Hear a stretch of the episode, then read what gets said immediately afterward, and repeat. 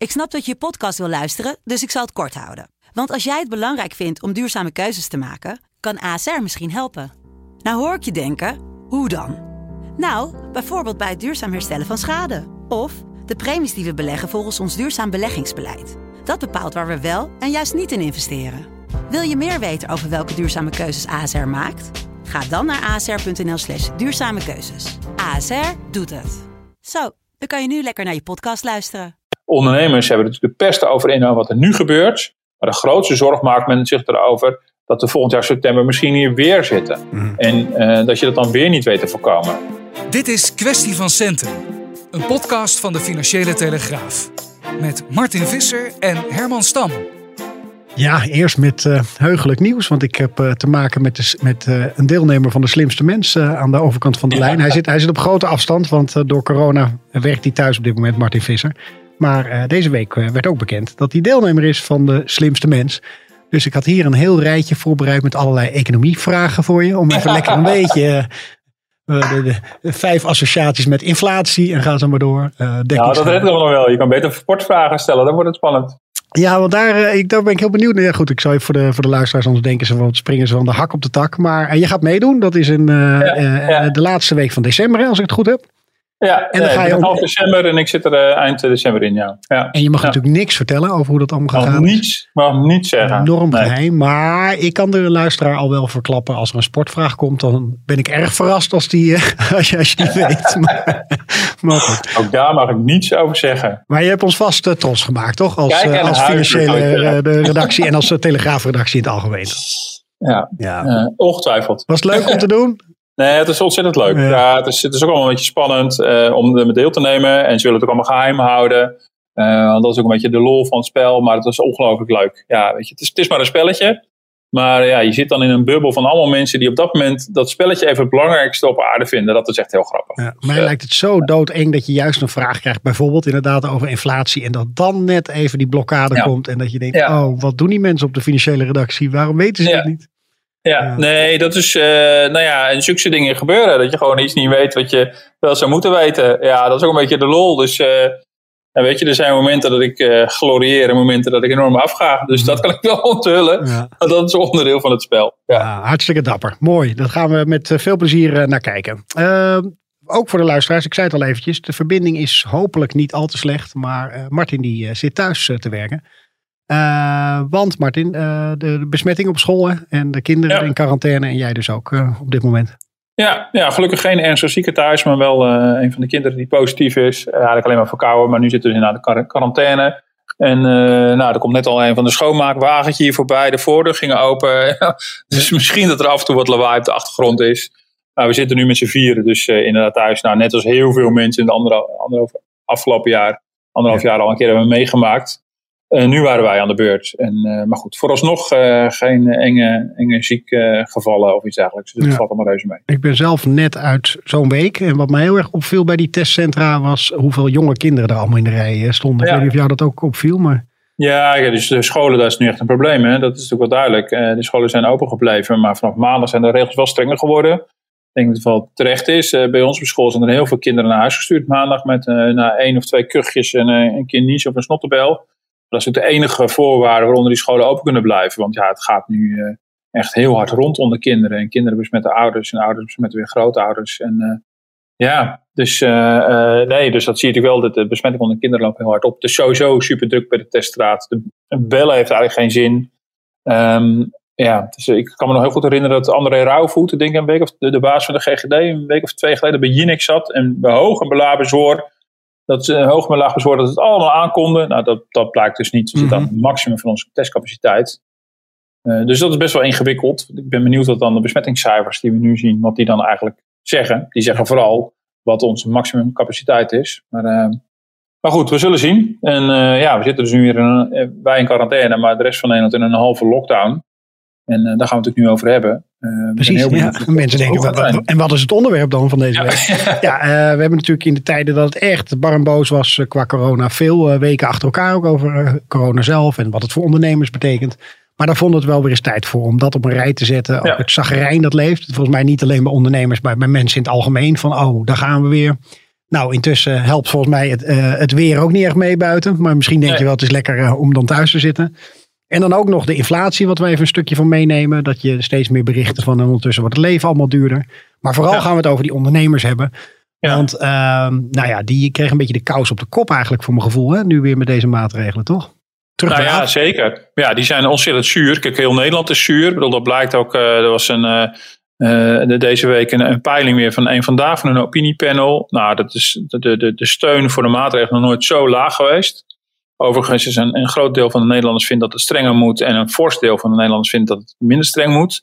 Dus het schiet nu alle kanten op. Maar uh, men ziet dat iedereen er ontzettend klaar mee is. En het, heel veel, uh, ook het kabinet verwijt dat het veel te veel zwabbert. Ja, en dat laatste, dat, veel, dat leeft bij ondernemers enorm. Mm-hmm. dat, uh, je zag natuurlijk toen de horeca al enigszins dicht moest, dat de horeca echt keihard in het verweer kwam. En zei van kijk, naar de statistiek, de besmettingen vinden niet bij ons plaats. Dus waarom moeten we nu dicht? Um, uh, ja, en nu, nu, en nu zit het toch weer in een soort, soort halve lockdown of avondlockdown, of hoe je het ook wil noemen. Um, ja, en dit is precies het scenario waar, ja, waarvoor men gewaarschuwd heeft in ondernemerskringen. Echt al sinds de zomer. Ja. En ja, dat het dan toch zover komt. Ja, het kabinet doet een beetje alsof het, alsof het zo overkomt. En ja, je merkt heel duidelijk dat vanuit de ondernemersverenigingen erop gewezen wordt. Van, ja, maar je had ook misschien het kunnen voorkomen dat het zo erg zou zijn.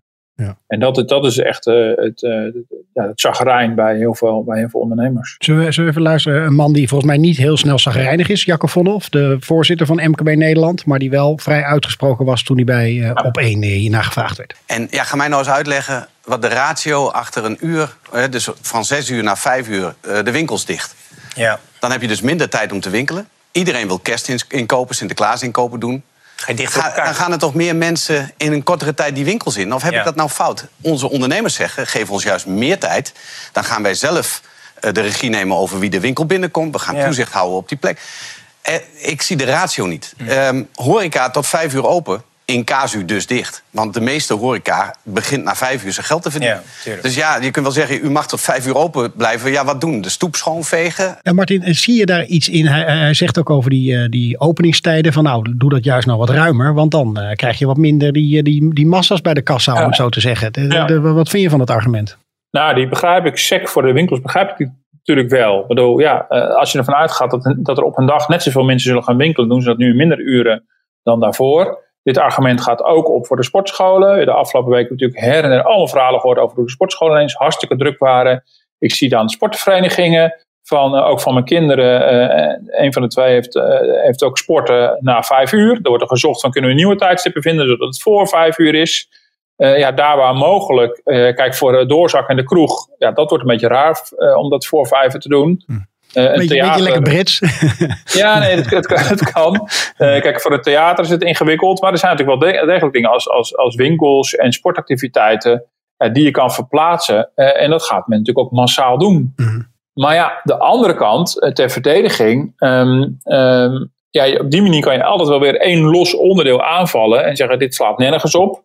Maar het idee is toch dat als je op een manier na vijf het sociale verkeer grootschalig afremt, uh, als je zorgt dat er minder mensen onderweg zijn naar winkels, onderweg naar een theater, onderweg naar een horeca of elkaar daar tegenkomen, ja, dat zal ongetwijfeld de besmettingen wel remmen. Mm. Maar zo die los, kijk, de theaters zullen zeggen, nou belachelijk, want, want, want besmettingen vinden bij ons niet plaats. Ik bedoel, waar zit je nou netter op anderhalve meter op een rijtje met gegarandeerd altijd gecontroleerde QR-code vooraf als in een theater? Mm.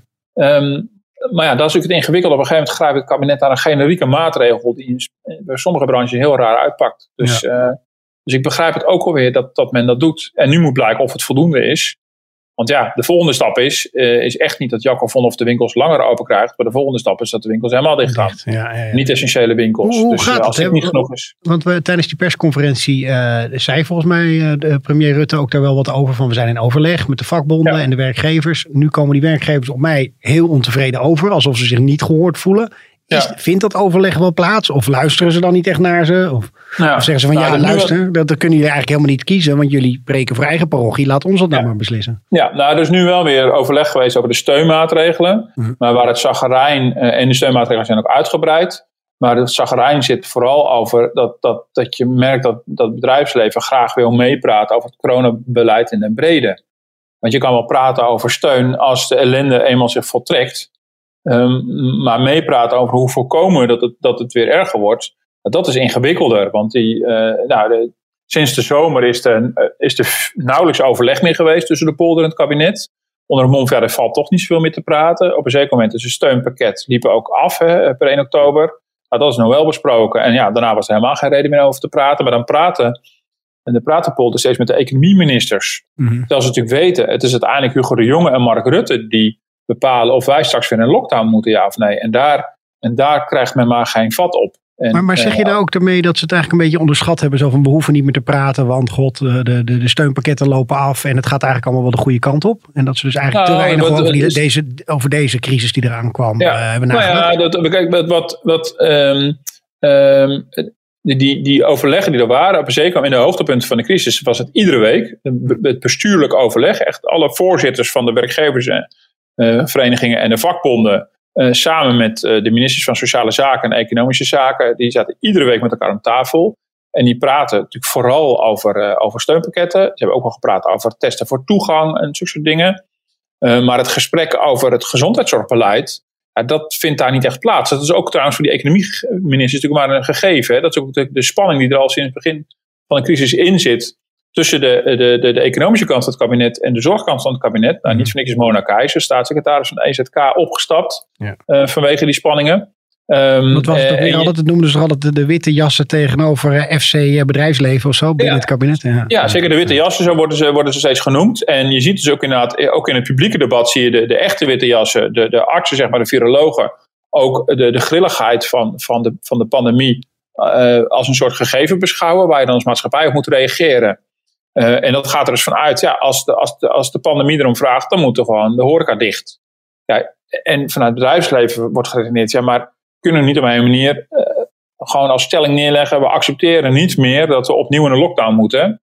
Hoe voorkomen we dan zo'n scenario? Wat is er nodig? Nou, dat hebben ze in de, al in juni is dat aangekaart vanuit VNO-NCW, de werkgeversclub, richting Hugo de Jonge. Van hoe gaan we in het najaar of in de winter een nieuwe lockdown voorkomen? En toen zijn ze naar hun gevoel afgeschreven met allemaal sussende woorden. Ah, dat komt allemaal goed, er komt geen nieuwe lockdown. Uh, en trouwens, de boosterprikken zijn allemaal ingekocht. Oh ja, en de coronamedicijnen, die hebben ook al uh, grootschalig zijn we mee bezig. Uh, we gaan de IC-capaciteit gaan we uitbreiden. En met die verhalen zijn de werkgevers op een gegeven moment een kluitje driet gestuurd. ja, ook van Disselhoff, de RIVM heeft toen in die periode gezegd, een nieuwe lockdown is niet meer nodig. Ja, en nu zitten daar alsnog. Ja. En die werkgevers hebben zoiets, die ondernemers zoiets. Ja, zie je nou wel, dit is precies waar we voor waarschuwden. Maar het kabinet wilde dat gewoon niet zien. Mm. Ja, en dan is er nu wel weer overleg met de polder. Maar ja, dan is de schade al geweest. Dus nu kan je weer over praten van hoeveel geld steek je erin om, om die omzetten goed te maken. Maar dat is eigenlijk, ja, dat is natuurlijk een beetje water naar de zee dragen. Dat had je willen voorkomen. Heeft het voor jou ook nog uh, invloed dat het een demissionair uh, kabinet is? Dat daardoor ja. misschien de minder duidelijkheid is over wat ze willen? Zeker. Nou, we, uh, samen met collega Leon Brandsma van de politieke redactie zijn we deze week allemaal allebei een ronde aan doen langs politieke bronnen, polderbronnen. En dat hoor je heel duidelijk. Dat de verkiezingen hebben niet geholpen. Vervolgens de demissionaire status heeft niet geholpen. Wat, je, wat, je, wat we echt terugkrijgen is dat de politieke spelletjes weer terug zijn. Het gevoel van het begin van de crisis. We gaan er met z'n allen voor. Er is een soort van eensgezindheid. Polder kabinet. Kabinet onderling. Kabinet en Kamer. Nou, dat gevoel van eensgezindheid is helemaal weg. Sinds de verkiezingen eigenlijk.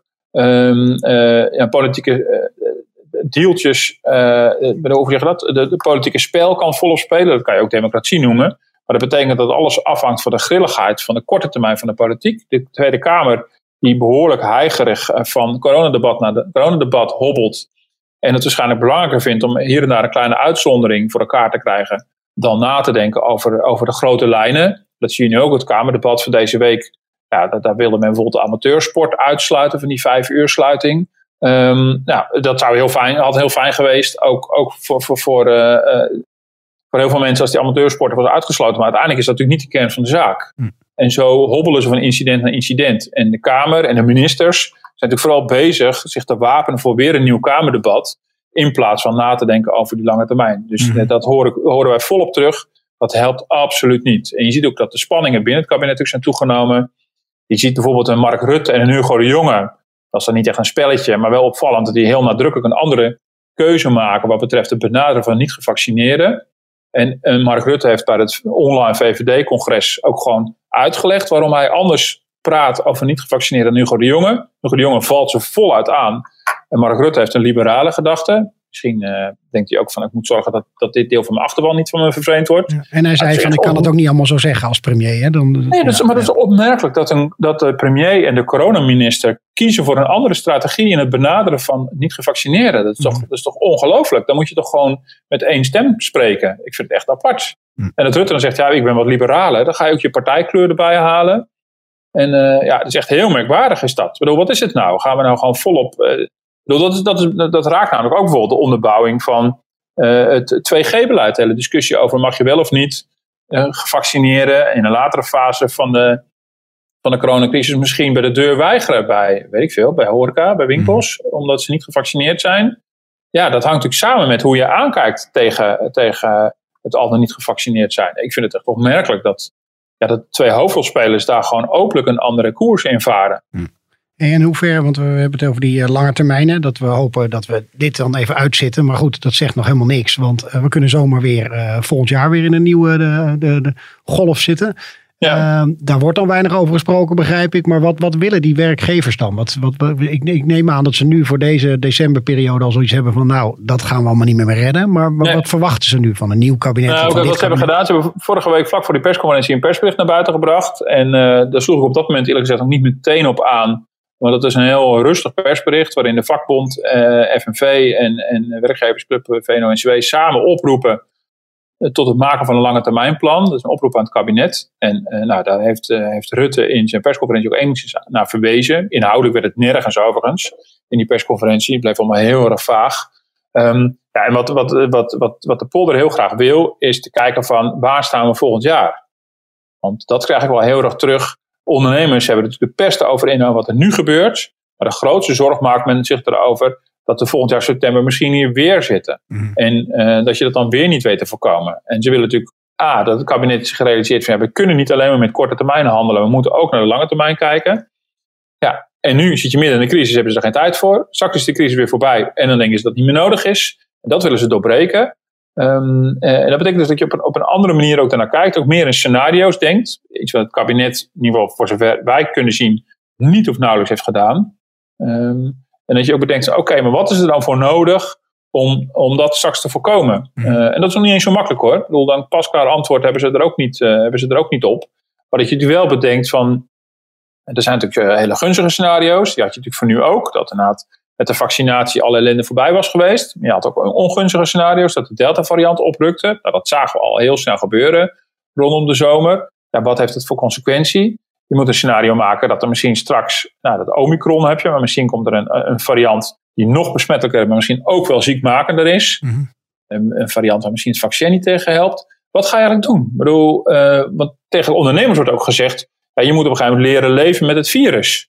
Maar uh, is het kabinet al zover dat, dat ze kan leven met het virus? Ik bedoel, heeft het kabinet al voor ogen dan, uh, als het virus een blijvertje is, met steeds misschien een besmettelijke variant, is dan het leren leven met de virus dat we ieder jaar in het najaar de boel op slot gooien? Is dat dan het antwoord? Mm. daar moet je toch wel een soort van scenario's uitwerken en dan de opties op een rij zetten. En niemand gaat het kabinet exact afrekenen op de voorspelling wat wanneer gebeurt. Maar wel dat, dat, dat wel duidelijk is van, uh, van wat zijn de middelen die je in kan zetten. En hoe kan je voorkomen dat je hier weer terechtkomt zoals nu is uh, gekomen. Een aantal landen heeft dat toch? Dat je echt zo'n kaart ziet van nou als het zoveel eh, gevallen zijn. Dan gaan we over naar deze maatregelen. Vind, je dat ja, dat is een routekaart. Dat heeft het kabinet ook al geprobeerd. Maar een routekaart is denk ik nog iets anders. Een routekaart is echt dat je de stapeling hebt van het gaat van kwaad tot erger. En nou, dan zagen we natuurlijk uh, in, uh, in de vorige fase dat dat ook, uh, ja, de routekaart op een gegeven moment wel was, maar nooit is gebruikt. Want die routekaart werd gepresenteerd op het moment dat we al in de ergste fase zaten. En toen bleek die routekaart alleen maar, je kon, kon alleen maar opschalen, maar afschalen kon niet volgens de routekaart. Dat is allemaal totale onduidelijkheid. Um, maar dit is iets anders dan een routekaart. Dit is denken in scenario's. Dit is niet alleen denken van, um, bij zoveel besmettingen doen we dit. Maar ook gewoon van wat als het virus zich zus ontwikkelt? Wat als het virus zich zo ontwikkelt? Uh, wat als we er volgend jaar van af zijn? Of wat als we uh, uh, nog vijf jaar met deze dingen, met, met, dit virus op deze manier te maken hebben? Wat, wat, wat doe je dan? gaan we dan ieder jaar iedereen vaccineren? En staat de organisatie bijvoorbeeld al klaar? En, en een, een teken dat, dat het kabinet niet in scenario's heeft gedacht. een bewijs daarvoor is, is, is, is weer dat die boostercampagne natuurlijk in Nederland verschrikkelijk achterloopt.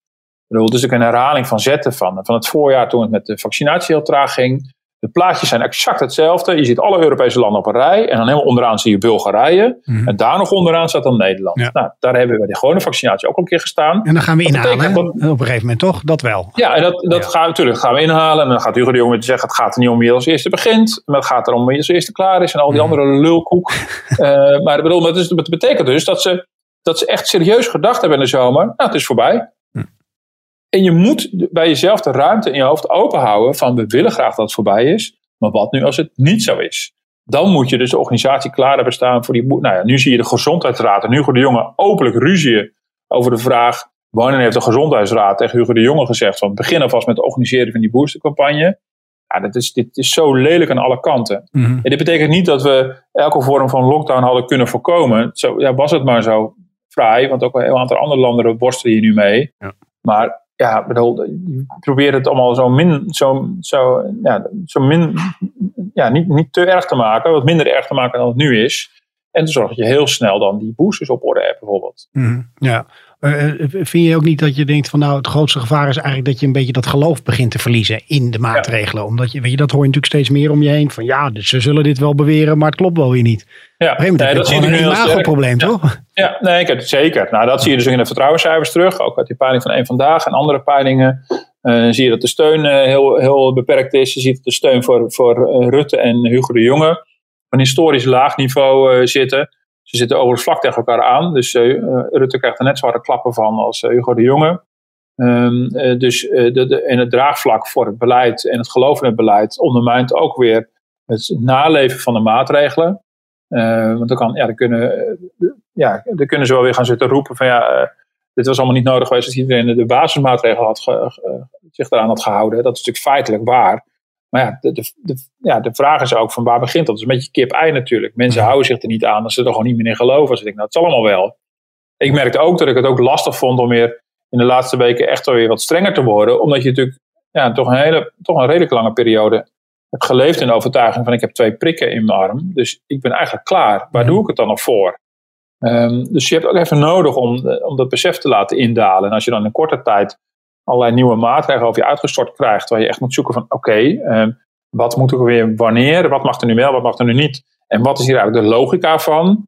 Ja, dat is natuurlijk, dat is natuurlijk funest voor, ja, voor het draagvlak en dus dat mensen zich daaraan houden. Ik merk het nu zelf ook, ik ben nu in lockdown, of in, een quarantaine met mijn gezin. Uh, mijn zoon is dan uh, positief. Nou, uh, zijn wezen testen terwijl hij gewoon verkouden was. Ik had echt gedacht, dat nou, dit is gewoon een verkoudheid. Maar je gaat dan toch testen omdat het moet. Uh, en dan blijkt het positief te zijn. En verder is nu niemand ziek op dit moment. Hm. Ik van, oh ja, maar dan moet je dus echt je helemaal voegen naar uh, uh, regels. Ik vind het niet erg om te doen, maar, maar ik kan me, terwijl je eigenlijk niet of nauwelijks ziekte in huis hebt. Ik kan me heel goed voorstellen dat mensen wat argwanender zijn over die regels. Dat ze denken van ja, waarom zit ik eigenlijk thuis? Mhm. Ik voel me kip lekker, wat doe ik hier eigenlijk? dus, dus er wordt een enorme discipline van je gevraagd. En toch wel een geloof in dat die regels goed zijn. Dat ervaar ik nu echt al aan de lijf. Ik denk, ja, we zitten ons vrijwillig hier een week lang, misschien wel langer op te sluiten. Als nou iedereen hondziek was, mhm. dan was het natuurlijk evident, maar het is niet zo. En dan merk je van, oh ja, dan moet je het dus echt doen omdat je, omdat je intrinsiek erin op vertrouwt dat die regels goed zijn, dat die testen goed zijn. Ja, en ik kan me best wel voorstellen dat mensen die veel meer wantrouwen hebben, of het misschien ah, of de logica niet helemaal goed begrijpen, of ja, dat die zeggen van ja, uh, waarom doen we dit eigenlijk? Ach, weet je, het maakt er niet zo heel veel uit om even naar de winkel te gaan. Of toch even, even op bezoek bij, eh, bij familie. Um, dus ik snap heel goed dat, dat, uh, ja, dat, dat, dat, dat, deze aanpak natuurlijk echt, ja, echt ja, ondergravend is. Ondergravend tussen de, de, de, de mate waarin mensen zich er allemaal gaan houden. Ja. Denk je ook niet dat, uh, want je had het hè, over die, je moet ook durven denken in doemscenario's en wat ons volgend jaar allemaal te wachten staat dat het een beetje, we, maken geen politieke podcast, maar ik zit gewoon nu even hard op te denken dat het ook een beetje in de aard van uh, Mark Rutte ligt. Natuurlijk een heel positief mens en dat hij misschien helemaal, weet je, gewoon te optimistisch lange tijd is gebleven van het komt allemaal goed en uh, misschien eigenlijk te weinig op die manier denkt. Ja, dat kan. Je merkt dat Hugo de Jonge natuurlijk ook heeft. Hè. Dat is echt een beetje zo'n uh, zo'n zo macher. Iemand die gewoon vooral lekker actief wil zijn. En van dit pakken we even aan. Hij heeft ontzettend zin in. Wil opnieuw weer minister worden. Hm. Ik denk van oké, wat heb je dan precies zo goed gedaan de afgelopen periode? Maar Bill hij wil dat opnieuw een periode doen. Ja, dus, ja, misschien is het inderdaad gewoon een soort ingebakken optimisme. Dat zou kunnen. Ja. En ik denk dat het ook politiek lastig is. Hè. Het is heel lastig om ver vooruit te kijken. Omdat ze demissionair zijn, maar ik denk sowieso. Want als je dan een lange termijn plan neerlegt, dan word je daar weer op aangepakt. Op iets wat zich nog niet heeft voltrokken. Dus dan moet je beleid gaan maken op een soort worst case scenario. Ja, ik denk dat de politiek, dat je in de politiek uh, zo afgerekend wordt op, op, op het hier en nu, dat er ook heel weinig stimulans is om na te denken over van hoe moet het nu straks. Mm. En, uh, ja, en ik denk ook oprecht hoor, ik bedoel, ik geloof oprecht dat Rutte en Hugo de Jonge, eh, net als wij allemaal, echt hebben gedacht, of op zijn minst hebben gehoopt dat het hiermee klaar zou zijn. Ja. Dat kan, maar ja, er wordt in een crisis iets anders van deze mensen verwacht. Ik vind het ook opvallend trouwens dat, voor mij hebben we het er vaker over gehad, dat is een enorme crisis en dat verder de samenstelling van het kabinet en de verdeling voor de portefeuilles totaal niet gewijzigd is. Mhm. Dat vind ik ook heel opvallend. Dat zou in een, in een andere organisatie voor mij heel anders gaan. Dat je een crisisteam optuigt. En dat doe ik niet op die katshuissessies op zondag. Dat is gewoon een keer extra vergaderen. Maar ja, ik vind het opvallend dat, dat Hugo de Jonge als minister van Volksgezondheid de coronaminister is. Maar corona is veel meer dan gezondheidszorg. Corona heeft ook te maken met onderwijs, heeft te maken met de economie. Um, nou, dat doen ze dan door die mensen bij elkaar te zetten. Maar uiteindelijk heeft iedereen zijn eigen portefeuille. Uh, en benadert iedereen vanuit zijn eigen ding. Terwijl je natuurlijk op een manier, daar moet je overkoepelend naar kijken. En nou, dan zie je dus dat de polder eigenlijk niet bij Hugo de Jonge kan komen. Ja, de polder die moet het doen met de minister van Sociale Zaken, van Economische Zaken. Ja, hoewel het heel veel invloed heeft wat Hugo de Jonge uiteindelijk eh, beslist. Exact. Ja, ja, en natuurlijk zijn die lijntjes er wel en ze kennen elkaar natuurlijk wel. Maar de formele overleggen gaan allemaal via de economische minister. ja. Hey, en die, eh, de, de steunpakketten, want je zei van nou, die waren afgebouwd. Uh, wat weten we daar eigenlijk al van? En wat, wat kunnen sommige ondernemers verwachten? Nou, dat is best wel snel gegaan in, in dit geval. Dus ja, nu stond het ook allemaal al klaar, dus dat ging ook makkelijker. Dus uh, voor de, de, maanden november is, zijn de steunpakketten weer uitgebreid. Ze waren al ietsje uitgebreid bij de vorige maatregelen. Maar de, de nieuwste maatregelen is, is naast de vergoeding voor de vaste lasten nu ook die loonsteun, de NOW, weer, weer opengezet. 2,2 eh, miljard is er vooralsnog voor begroot. Ehm, eh, en heel concreet betekent dat dat, eh, dat ondernemers die meer dan 20% omzetverlies hebben, dat die weer loonsteun kunnen krijgen, 85% van de loonkosten. Um, en voor um, en, en tegemoetkomen voor de vaste lasten kan er ook zijn, dan moet je minstens 30% omzetverlies hebben. en, dan kan je, en dan kan je 100% van je vaste lasten vergoed krijgen. Dat gaat allemaal volgens uh, vaststaande verdeelsleutels. Hangt een beetje vanaf in welke branche uh, je werkt. En het is ook weer mogelijk om de belasting uh, in deze maanden weer opnieuw uit te stellen. Terwijl dat eigenlijk was stilgezet, die belastinguitstel. Dat betekent dat je, ja, dat je gewoon geen omzetbelasting hoeft te betalen, geen loonbelasting. en, en het terugbetalingstermijn is ook mee, daarmee verlengd. Eigenlijk gewoon alle oude, alle oude maatregelen zijn weer uit de kast getrokken en weer opgeplust. En ehm, ja, als, ja, het is in die zin een enorme déjà vu gevoel. En, en, weer terug is, het vooral, is vooral horeca nu door deze, de, doordat het weer een uur vroeger is geworden? En, uh, ja, of hoor je ook vanuit uh, andere horeca, branches? Horeca heel sterk, culturele sector. Dat zag, je, dat zag je overigens al bij de vorige maatregelen, die natuurlijk maar heel slapjes waren misschien. Maar uh, behalve voor, voor cafés denk ik. Toen, de, toen de boel om acht uur dichtging s s'avonds. Um, um, daar zag je al in de, pin, de PIN-transacties die banken bijhouden, zag je al dat de, de horeca daar uh, meteen gevolgen voor had. Kijk, uh, restaurants konden voor acht uur nog wel eten serveren. Maar ja, nu gaat het naar, is het naar vijf uur gegaan. En dan moet je het helemaal hebben van de lunch. En voor een kroeg, ja, wat, voor vijf uur heb je denk ik niet zoveel aan omzet. Dus daar vallen de klap. Ja, en de culturele sector. In de brede, inclusief bioscopen. Dus het hele uitgaan is natuurlijk allemaal totaal onderhold gezet. Um, en voor de winkels is het een beetje afwachten wat dit, uh, wat dit betekent. Kijk, als het, als het scenario van, van Jacob Vonhoff uitkomt, dan betekent dat dat iedereen nu in minder uren gaat winkelen, maar dan zouden we net zoveel gewinkeld worden. Dan zou het eigenlijk niet uit moeten maken. Maar dat is natuurlijk wel een beetje de vraag of dat zo is. Ja. Uh, je gaat ongetwijfeld weer een verschuiving krijgen van de fysieke winkel naar online. Um, uh, nou, dat zie ik aan mijn eigen gedrag ook. Maar goed, met, met, met de Sinterklaas. Dat je ook aan die eh, Black Friday cijfers, hè? heel veel online ook. Ja, ja. dus uh, en nou, dat heeft te maken met de maatregelen. Heeft misschien ook wel te maken dat mensen wat voorzichtiger worden. Dus ik, nou, ik wil me niet in grote groepen begeven. Dus, maar dat zijn wel de sectoren waar nou, de, reis, de reisbranche is natuurlijk allemaal weer ingewikkeld. maar dat zijn natuurlijk, ja, en de evenementen, dat, ja, dat gaan, dat zijn weer precies dezelfde sectoren. En ik denk dat nu vooral de, de, de, de, de, de cultuur en de horeca in verhouding een grote klap opvangen. Ja. en ondertussen, uh, daar heb je ook over geschreven deze week, uh, zien we die inflatiecijfers maar omhoog pompen. Ja. En ja. Uh, begint er ook een behoorlijk zagrijn over te ontstaan bij mensen. Van nou, en ik betaal enorm veel meer ook nog dit jaar. Ja. Waar, waar, waar, waar stopt dat? Ja, nou ja, economisch gezien is het in die zin wel een, een, een wat verwarrende periode. Um, ja, als econoom zou ik zeggen interessant. Maar, maar ik denk voor heel veel consumenten en ook voor ondernemers zeker minder leuk. Want ja, een, groot deel van die inflatie, in Nederland was nu de inflatie in, in, in, in november 5,6 procent. Dus de prijzen zijn gemiddeld in een jaar tijd met meer dan 5,5 procent gestegen. Dat was sinds 1982 niet meer vertoond. Dus het is echt ongekend. Ja, en een groot deel van die inflatie wordt aangejaagd door het einde van de coronacrisis. Dat is een beetje verwarrend. Want we hebben natuurlijk ja, vanaf juni, juli gezien dat de economie enorm opveerde in heel veel landen. Uh, dus er kwam een enorme extra vraag weer los van consumenten. En we wilden en konden alles weer. Um, en dat heeft tot grote uh, tekorten aan grondstoffen uh, heeft dat toegeleid. Het heeft geleid tot allerlei leveringsproblemen. En je ziet dus dat de prijzen van grondstoffen aan de ene kant en het tekort aan materiaal aan de andere kant zorgt voor een enorme verstoring van de productieprocessen. En stijgende prijzen van olie en gas, maar ook inmiddels ook van allerlei andere goederen en diensten. Um, ja, dus dat is lastig. De consument wordt ermee geconfronteerd, maar ondernemers zelf ook. Hm. Um, je ziet dat uh, de, de, de afzetprijzen van de industrie, dus wat zij dan weer doorbreken aan hun klanten, die, die, die lopen ook fors op. Um, wij zien het vooral als consument aan de pomp en aan onze energierekening.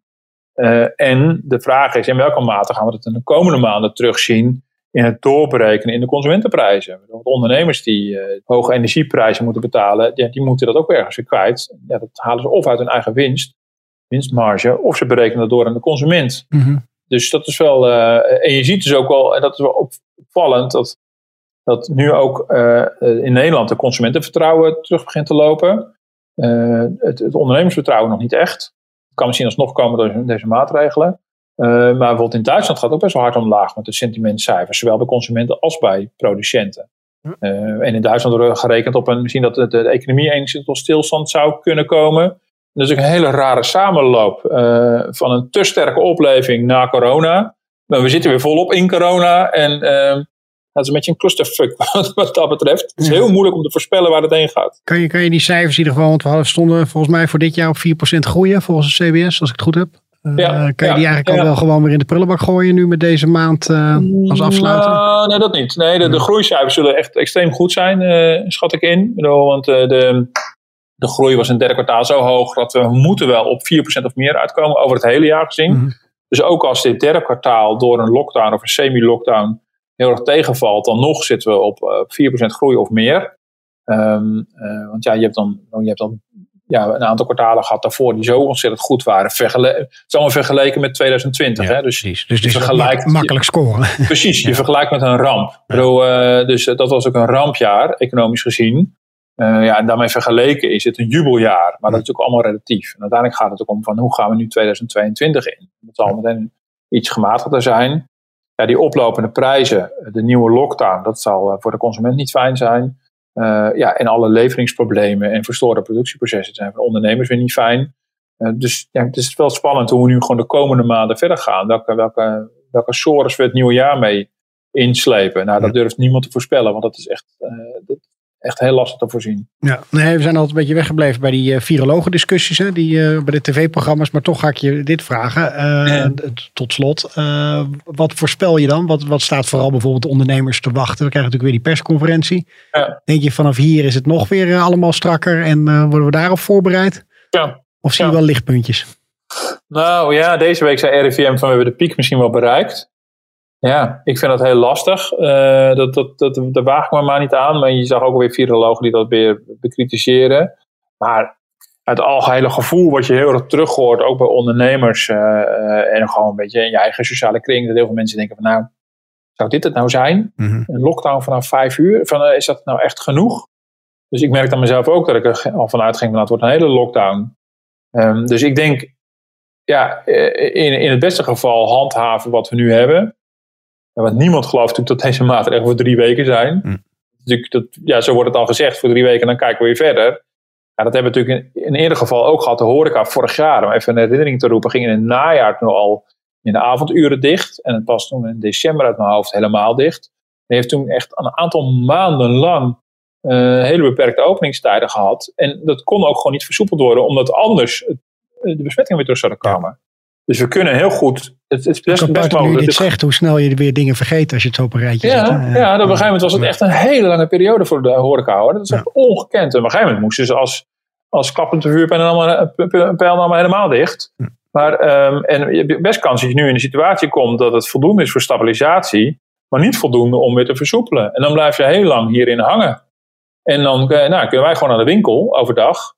Maar die horeca, die is echt, uh, uh, die is echt zware sjaak. En, uh, en, en de cultuursector. Maar die zijn, zullen dus een hele lange tijd s'avonds dicht blijven. Ja. Ja, ik kan, goed, ik ben inderdaad geen viroloog. Maar ik kan me niet voorstellen dat we hier met de kerst ineens uit zouden zijn. Dat, nee, dat, zo, dat, dat, dat naïeve optimisme had ik vorig jaar maart wel eens. Dat ik dacht, mm -hmm. nou ja, jongens, even doorbijten. En na drie weken is het voorbij. Maar inmiddels zijn we allemaal sadder en wiser. Dus ik geloof dat niet zo. We moeten weer gaan plannen hoe we de schoonmoeder indelen en dat soort. Uh... ja, wie, neemt, wie neemt dit jaar de schoonmoeder? Vier ja. dagen, dat is, trouwens klinkt het heel lullig. Ik heb een hele leuke schoonmoeder. Dat klinkt alsof ik helemaal niet wil hebben. Dat neem ik meteen terug, want ik weet dat ze luistert. Uh, dankjewel Martin. En succes daar uh, thuis ja. ook. Dat het allemaal maar snel weer over mag zijn en jullie allemaal naar buiten kunnen. Dat hopen we natuurlijk. Ja, nou ik ben absoluut niet de eerste, dus ik zal niet te veel over klagen. En heel veel mensen dit door moeten maken. En we waren, we waren gewoon een keer aan de beurt. Dat zat er een keer in. Ja, nou, in ieder geval sterkte ermee. En uh, ik bedenk me nu net, want ik ga weer het podcastadres, het e-mailadres zeggen, dat we nog wat mails hebben openstaan. Dus die hoop, beloof ik uh, vanmiddag nog te gaan beantwoorden. Want het is altijd zo leuk als mensen commentaar hebben op de show of juist een leuke aanmoediging. Uh, dus stuur die reacties naar podcast.dft.nl. En dan dank ik u voor het luisteren en tot volgende week. Tot volgende week.